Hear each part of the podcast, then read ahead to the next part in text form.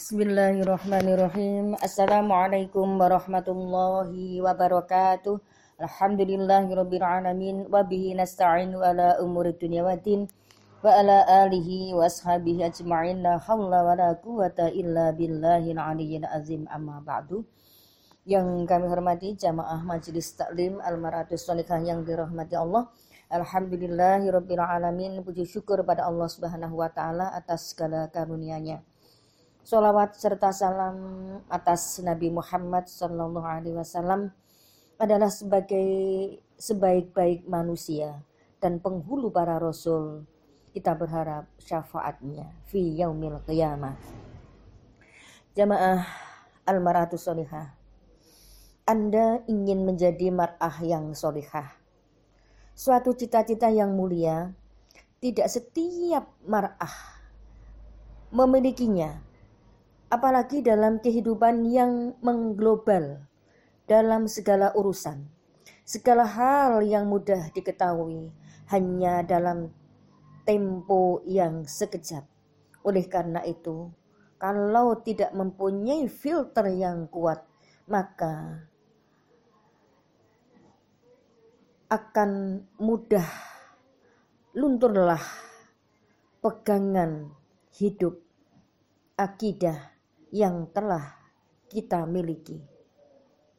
Al-mar'atus solihah yang dirahmati Allah ada tiga hal yang utama yang patut ditelusuri kembali dan dimiliki oleh setiap mar'ah solihah yang bercita-cita mencapai derajat yang tinggi yaitu mar'ah solihah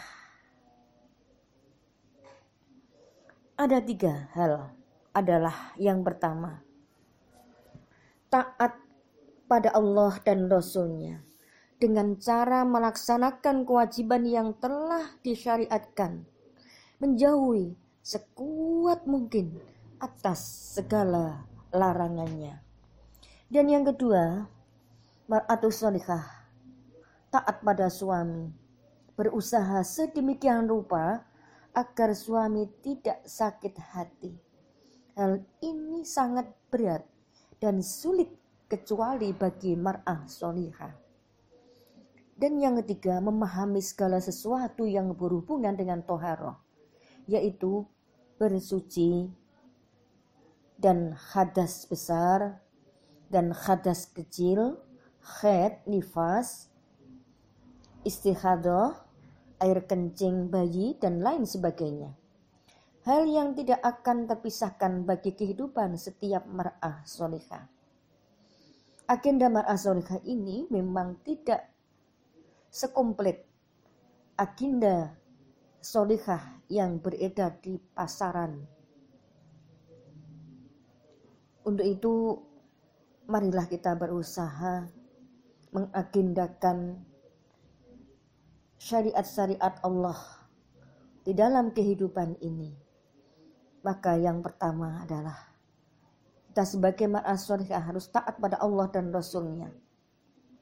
Wa may yuti'illah wa rasul faqad faza fawzan azima. Kita harus taat pada Allah dan Rasulnya. Insya Allah kita akan menjadi orang-orang yang beruntung. Dan kita menjaga sholat lima waktu dan juga puasa pada bulan Ramadan ataupun kita puasa-puasa sunnah yang lain dan menjaga kehormatan. Inilah kita sebagai ma'as Bagaimana kita bisa menjaga sholat lima waktu dalam keadaan apa pun dan di mana pun kita berada. Dan yang kedua adalah taat pada suami bagaimana hak suami kepada seorang istri. Di dalam Al-Quran surat keempat ayat 19 dan surat kedua uh, ayat 228 ini monggo silahkan dibaca sendiri uh, karena kita dibatasi waktu maka carilah nanti di dalam Al-Quran surat keempat ayat ke-19 dan surat kedua ayat 228. Di dalam hadis Rasulullah disebutkan yang diriwayatkan oleh Abu Dawud tud'imhu tud'imuhu idza ta'imta wa taksuha idza aksabta wala tadribal wajhi wala tufbih wala tahjaz bil baiti. Yang artinya berilah ia makan jika engkau mampu memperoleh makanan dan berilah pakaian jika engkau mampu memberi pakaian jangan engkau pukul wajahnya jangan memakinya dan jangan meninggalkannya melainkan di rumah. Suami punya kewajiban mengajari istrinya akan hal yang penting. Taat pada Allah. Mengajari dalam hal toharoh, sholat, dan lain-lain sebagainya. Maka untuk itu kita sebagai seorang suami Bagaimana kita bisa menghantarkan istri kita menjadi istri yang soleha dan melazimkan ajaran Islam dan azab-azab Islam kepada istri. Dan apabila seorang suami harus berlaku adil apabila memiliki istri lebih dari satu. Dan jangan membocorkan aib istrinya. Kecuali untuk solusi pada orang-orang yang tepat dan orang-orang yang bijak. Jamaah al-maratus solihah yang dirahmati Allah. Sehubungan dengan hal toharoh, kita harus memahami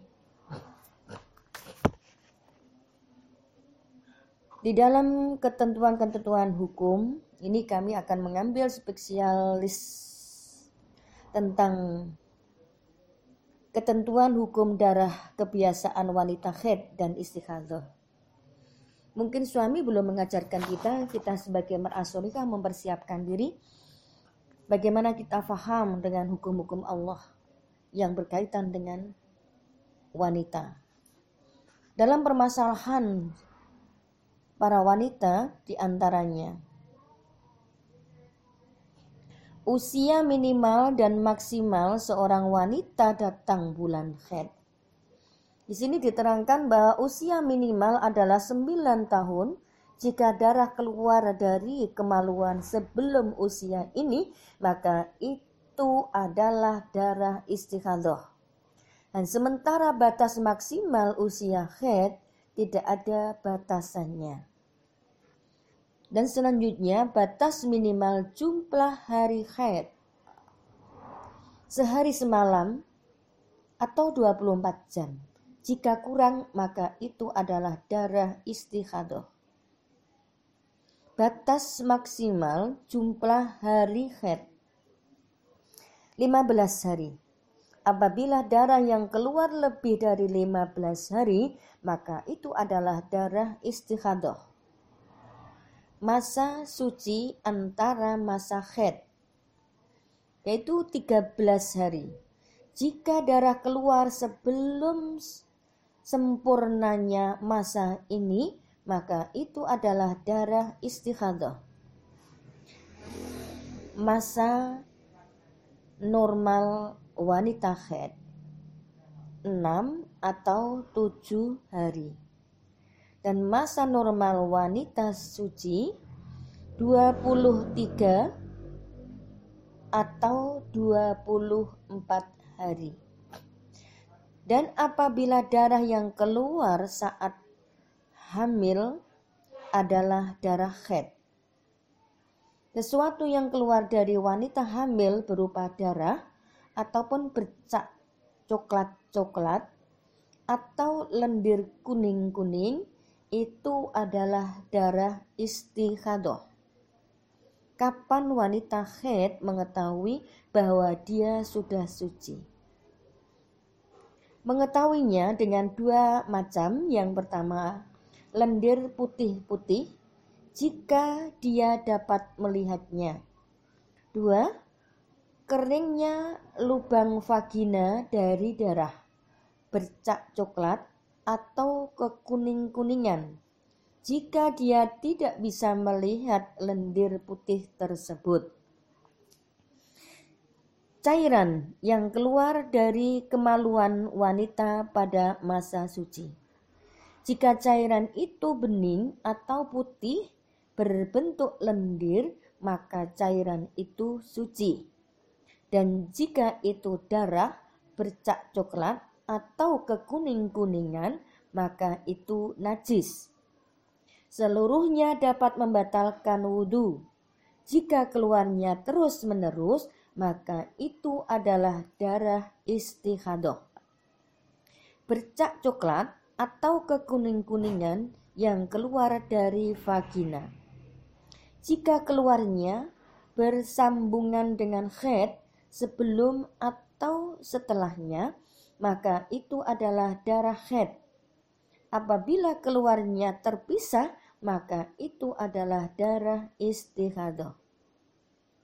Bagi siapa yang mempunyai jumlah hari haid yang tetap setiap bulan lalu suci sebelum lengkap bilangan hari itu. Hukumnya itu adalah suci. Apabila darah telah berhenti keluar dan ia melihat sudah suci walaupun hari kebiasaan headnya belum habis. Head datang lebih cepat atau lambat dari waktu kebiasaannya. Selama ciri-ciri darah head terbukti, maka itu adalah head. Kapan pun waktunya dengan catatan jarak dari masa head dengan masa berikutnya lebih dari 13 hari minimal masa suci. Kalau tidak, maka itu adalah darah istihadah. Kalau masa head bertambah atau berkurang dari kebiasaan, maka itu adalah darah head dengan syarat tidak lebih dari masa maksimal head 15 hari. Jika darah terus-menerus keluar untuk waktu yang panjang seperti sebulan penuh atau lebih. Ada empat kondisi. Yang pertama, Wanita yang mengetahui waktu haidnya pada setiap bulan jumlah harinya dan bisa membedakan antara darah haid dengan lainnya, maka yang menjadi patokan adalah jumlah hari. Waktu kebiasaan, bukan ciri-ciri darah. Yang kedua, wanita yang mengetahui waktu haidnya pada setiap bulan dan jumlah hari akan tetapi kondisi darahnya terus berada dalam satu keadaan dan tidak berubah, maka dia berpatokan kepada waktu dan jumlah hari haidnya. Yang ketiga, wanita yang mengetahui waktu haidnya pada setiap bulan tapi tidak tahu berapa jumlah lainnya harinya, maka dia mengambil enam atau tujuh hari normal masa haid sesuai waktu kebiasaannya. Yang keempat, wanita yang mengetahui jumlah hari haidnya tapi tidak mengetahui kapan datangnya pada setiap bulan, maka dia mengambil jumlah hari yang diketahuinya pada awal setiap bulan Hijriah. Ini saya lanjut ketentuan hukum darah kebiasaan wanita nifas. Permasalahannya, apabila seorang wanita melahirkan namun tidak melihat ada darah keluar, maka ini hukumnya tidak dikategorikan ke dalam hukum nifas, tidak wajib mandi dan tidak membatalkan puasanya.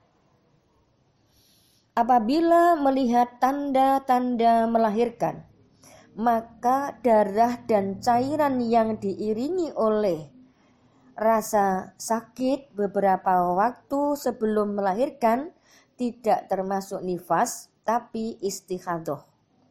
Darah yang keluar dari wanita saat melahirkan. Darah ini adalah darah nifas. Walau anak yang akan dilahirkan belum keluar atau baru keluar separuh badan, maka tidak wajib mengkodok sholat yang ditinggalkan pada kondisi tersebut. Kapan dimulai hitungan hari nifas?